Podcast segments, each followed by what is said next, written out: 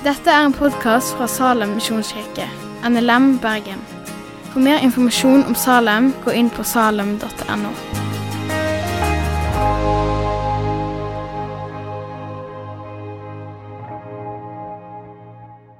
Det vi skal tale om, eh, er teksten om Levi eh, fra Lukas 5 og vers 27 til 32. Tenkte jeg skulle lese den først, og så går vi gjennom litt hva som, som står der. Der står det om Jesus. Deretter gikk han ut, og han så en toller som het Levi, sitte på tollboden. Han sa til ham, 'Følg meg.' Og han forlot alt og sto opp og fulgte ham.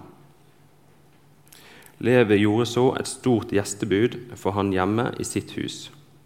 Og det var en stor mengde tollere og andre som lå til bords med dem. Fariseerne og deres skriftlærde knurret da mot disiplene hans og sa:" Hvorfor eter og drikker dere sammen med tollere og syndere?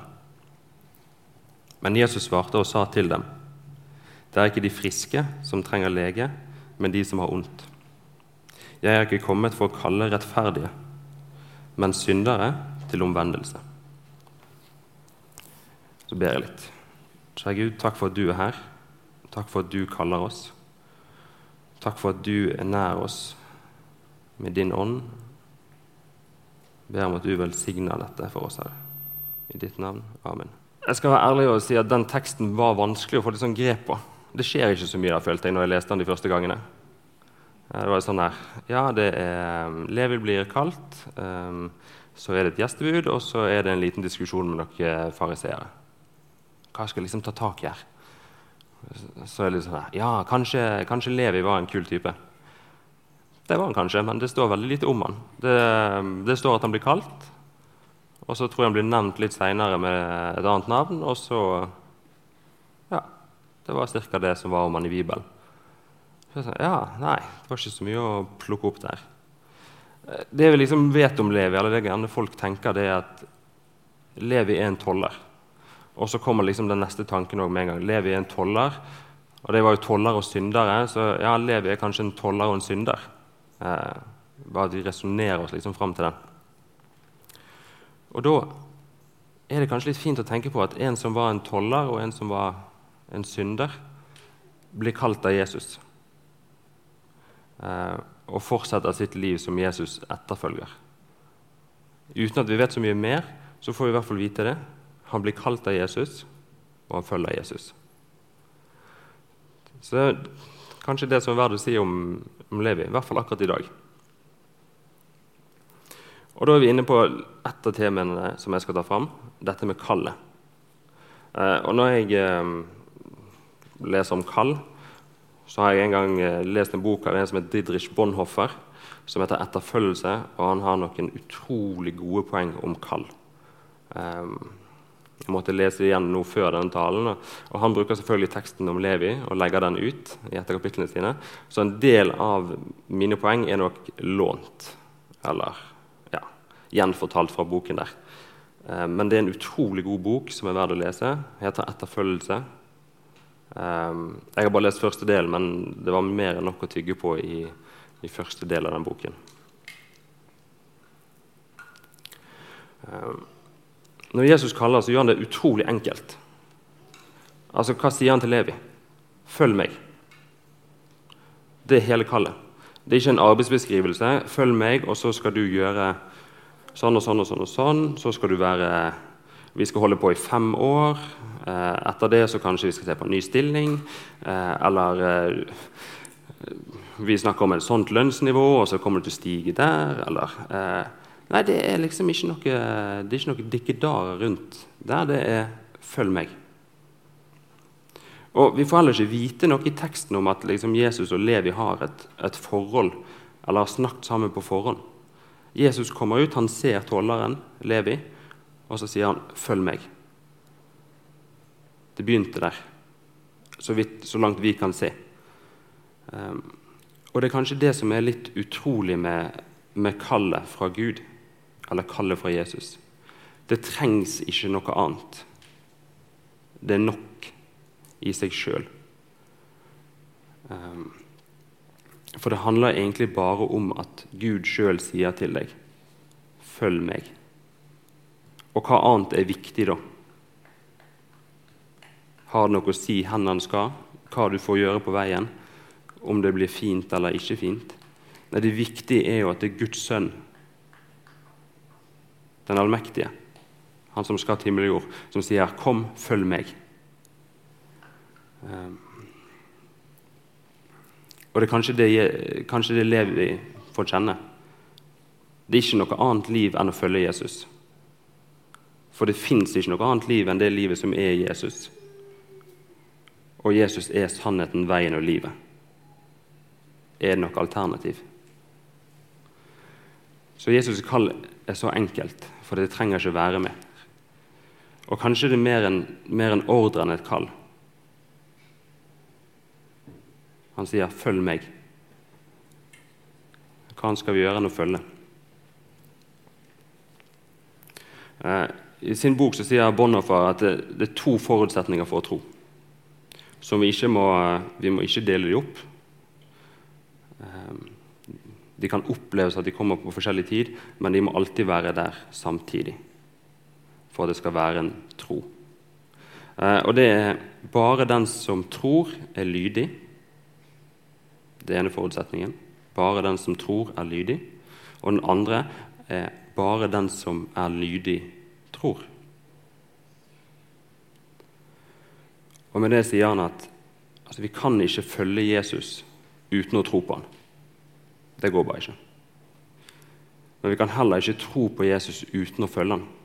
Hvordan går det? Tro uten etterfølgelse det blir en passiv og en død tro. Da kan vi bare tenke at vi har noe fint, og så blir det en sånn teoretisk tanke, og så blir det ingenting. Men hvis vi bare prøver å følge etter Jesus uten å tro at han er den han er, så er det bare mine egne greier jeg driver og gjør. Kanskje gjøre mange ting som, som, ser bra ut og ser fint ut, og som er godt for andre. Og jeg kan liksom streve livet av meg. Men uten at jeg følger Jesus, så er det bare mitt eget. Og så blir det egenrettferdighet og lovgjerninger. Så vi må begge deler. Tro og etterfølgelse. Samtidig. I lag.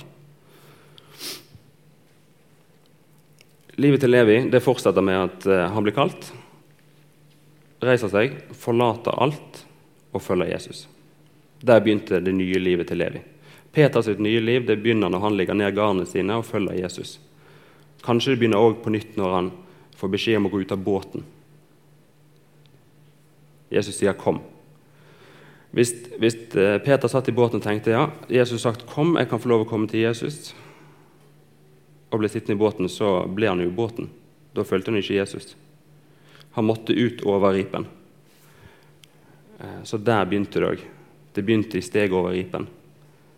Men han kunne ikke bare ta steg over ripen. Først måtte Jesus si 'kom'. Uten at Jesus kaller, så kan ikke vi følge. Så ser vi hvordan denne kallet til Levi bare sklir rett over i etterfølgelse. For hva er det første Levi gjør? I hvert fall det første vi finner i teksten.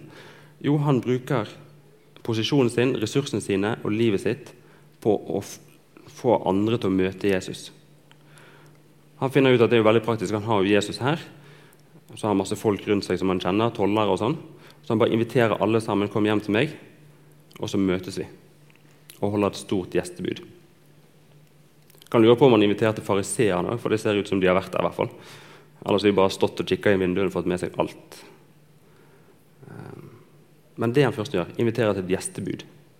Inviterer mennesker inn til å møte Jesus. Helt hva som skjer i gjestebudet, det vet vi ikke. Altså, Jesus hadde sikkert en andakt eller en bibeltime eller sa noe noe sant. Um, det kan være mange som ble frelst. Det står det ingenting om. Um, det står ingenting om maten. Det står ikke at Johannes sa noe morsomt.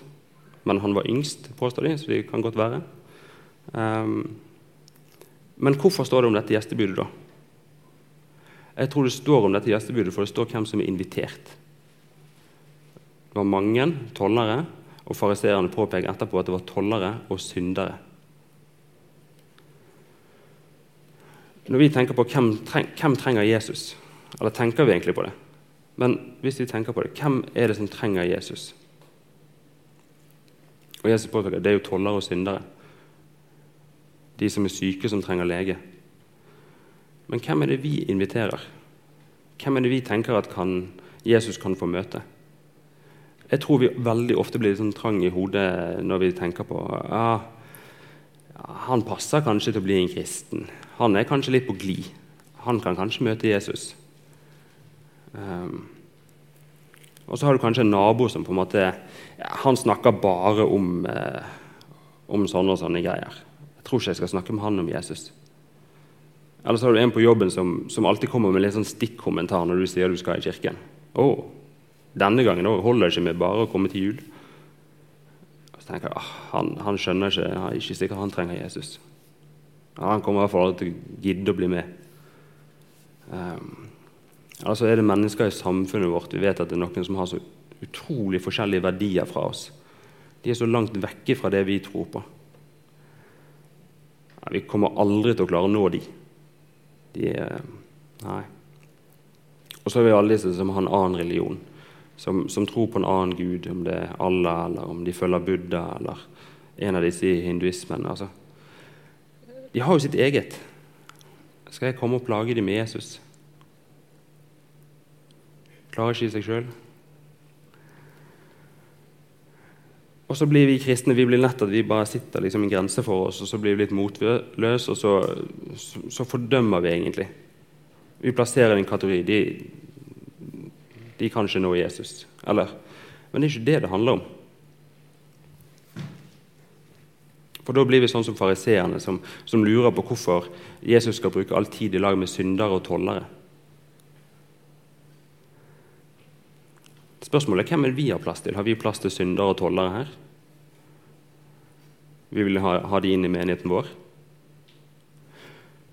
Inviterer vi dem? Får vi til å føle seg velkommen? For det, det er jo sånn Jesus tenker. Alle er velkommen. Han vil nå absolutt alle. Han ønsker å få bety noe, noe, i livet ditt, det er sant. men han òg ønsker å få bety noe i livet til hver enkelt rundt deg. Ikke bare oss her inne, men sjefen din, naboen din, eh, de du møter i barnehagen, eh, vennene til sønnen eller datteren din de du ser på busstoppet, de du ikke har lyst til å se på. Alle. Det er det Gud ser. Og så sitter vi i begrensninger. Da er det et eller annet som må skje i oss. Og så er det mennesker som gjerne syns det er vanskelig å komme inn i en kristen menighet fordi at, for de har gjort noe som galt. For de ikke fikser livet, eller de de kjenner at de har et eller annet som, som ikke stemmer med sånn, det bildet de har på de som går i en kristen menighet. De er jo noen av de som har feila. Hvordan møter vi de som har, har valgt å ta abort, har gifta seg på nytt, har gått på fest hver helg siden de var 14? Tenker annerledes om mange ting? Tenk, møter vi de annerledes enn de som har vokst opp i menigheten vår, som er døpt her, og som har gått her, og som alltid har vært kristen? Hvordan gir vi egentlig rom for at alle er velkommen hos oss i dette gjestebudet?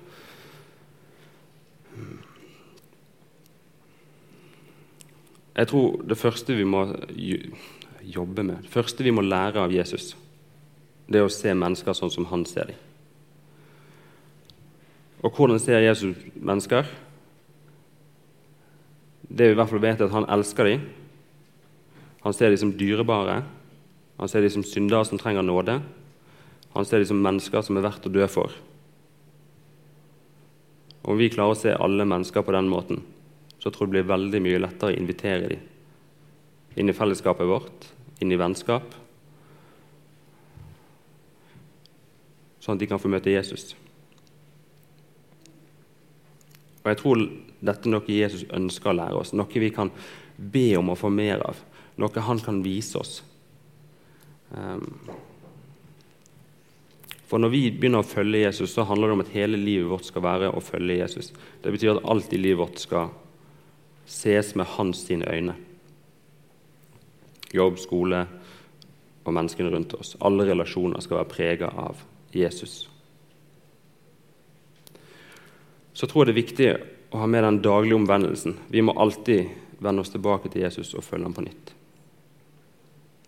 For det, hver gang vi møter Jesus på nytt, hver gang vi går til Jesus og lar han fortelle, fortelle det som er sant om livet våre eh, Hver gang vi omvender oss, hver gang vi følger ham på nytt, så har vi et nytt møte med Jesus. Og Det er jo på en måte modellen for hvordan Jesus møter alle mennesker. Han forteller dem sannheten om livet deres.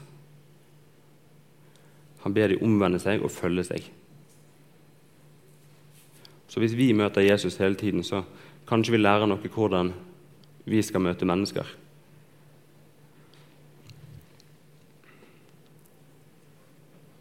Hmm.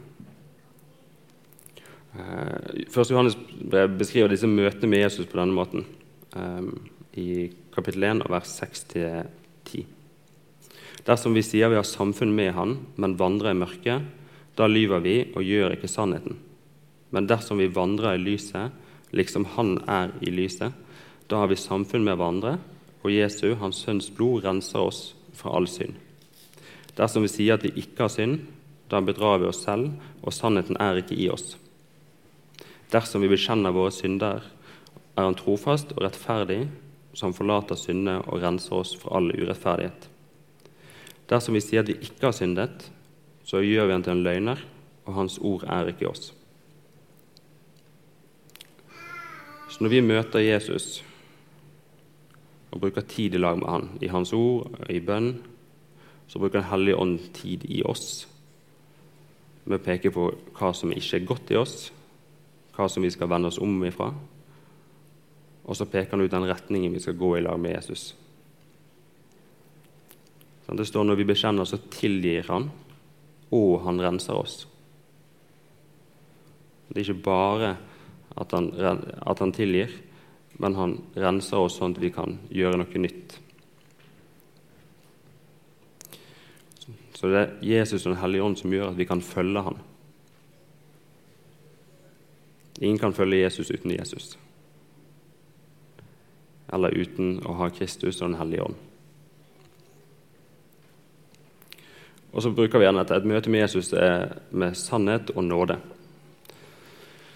Og så blir det sånn store ord, for vi snakker om nåde og sannhet og tilgivelse. og kanskje litt sånn store greier. Men hvordan møter vi mennesker sånn?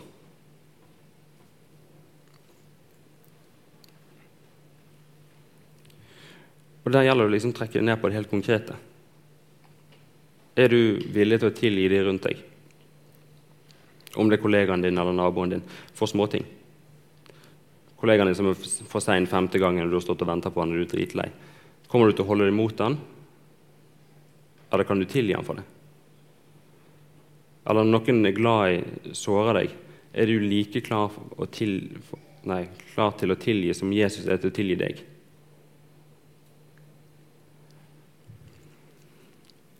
Så Noen ting krever et oppgjør og korreksjoner, og sånt, men det er ikke en motsetning til tilgivelse. Er vi klar til å ha et sånt forhold med hverandre der det er nåde og tilgivelse? Der vi kan snakke sant om det som er galt, og så kan vi gi tilgivelse der det trengs. For det er sånn Jesus møter oss. Og En grunn til at vi skal snakke sant om oss sjøl, og i menigheten, og kanskje bekjenne synder for hverandre, og være ærlig på hvordan livene våre er, det er for at det gir rom for å være en synder blant kristne. For det er ikke alltid like lett å være en som har feila, og som kjenner det vanskelig og kommer inn, og så føler han at alle andre har det så greit, har det sånn på stell. Men hvis alle er ærlige om livet sitt og snakker sant om hvordan det er å være et menneske, hvordan det er å være en synder som trenger nåde hver dag, det er kanskje mer rom for de som ikke føler de hører hjemme. Da er det kanskje greit å være en som er syk og trenger lege for å bruke bildet til Jesus. Til slutt så er dette her med hvem er disse friske som ikke trenger lege? Han sier jo det er ikke de friske som trenger lege, men de som har det vondt. Jeg er kommet for å kalle rettferdige, ikke for å komme, kommet for å kalle rettferdige, men syndere til omvendelse. Da kan vi få liksom tanke om at ja, det er jo noen som er friske her, og som det er i orden for. Og det er det ikke. Det er ingen som, eh, som ikke er fortapt uten Jesus. Så det er på en måte, det er ingen som ikke trenger helbredelse og ikke trenger Jesus. Men det er mange som tror at de ikke trenger det. Og Det er det han advarer fariseerne mot. De er så klar for at de, de har holdt loven, de har gjort alt rett. De har ting på stell. Gud må jo selvfølgelig bare ta dem med inn i himmelen. De stoler på seg sjøl. Og så ser de ikke at de mangler noe. Og Det gjelder òg menneskene vi møter. De stoler gjerne på andre ting som, kan, som de tror kan gi dem frelse eller udødelighet eller fred eller mening med livet. Det kan være berømmelse, penger, eh, at Gud er dumsnill og slipper alle inn i himmelen. Eh, noen håper at eh, det er over når de dør, så da er det i hvert fall fred. Da er det ingenting mer. Noen håper på at vitenskapen skal komme så langt at vi lever evig. Noen tror på andre guder. Det er disse her som på en måte Som tror de er friske, men ikke ser det. At de trenger en frelser. Og Det er det vi vet, og det er det vi ønsker å fortelle andre mennesker. At det er kun én vei til himmelen. Eh, at den ble åpna av Jesus når han døde for syndene våre på korset. Og at det er ingen annen vei enn å følge han, han som er veien, sannheten og livet. Det er det vi ønsker å invitere mennesker inn i. Et fellesskap med han som, som er veien, sannheten og livet. Og han sier til alle oss og til alle de følg meg. Avslutter med en liten bønn. jeg. Kjære Jesus, takk for det du deler i ditt ord. Takk for at du er her og, og møter oss med nåde og sannhet, Herre. Takk for at du ser hva som ligger i hjertene våre, og likevel regner oss som elskede og dyrebare og, og verd å dø for, Herre. Takk for at vi får ha en, en så stor Gud som er uten grenser i sin kjærlighet, Herre. Takk for at det er du som er allmektig, Herre. I ditt navn. Amen. Takk for at du har hørt på podkasten fra Salem, Bergen. I Salem vil vi vinne, bevare, utruste og sende, til Guds ære. Vi ønsker å se mennesker finne fellesskap, møte Jesus og bli disippelgjort her i Bergen og i resten av verden. Vil du vite mer om oss, gå inn på salem.no.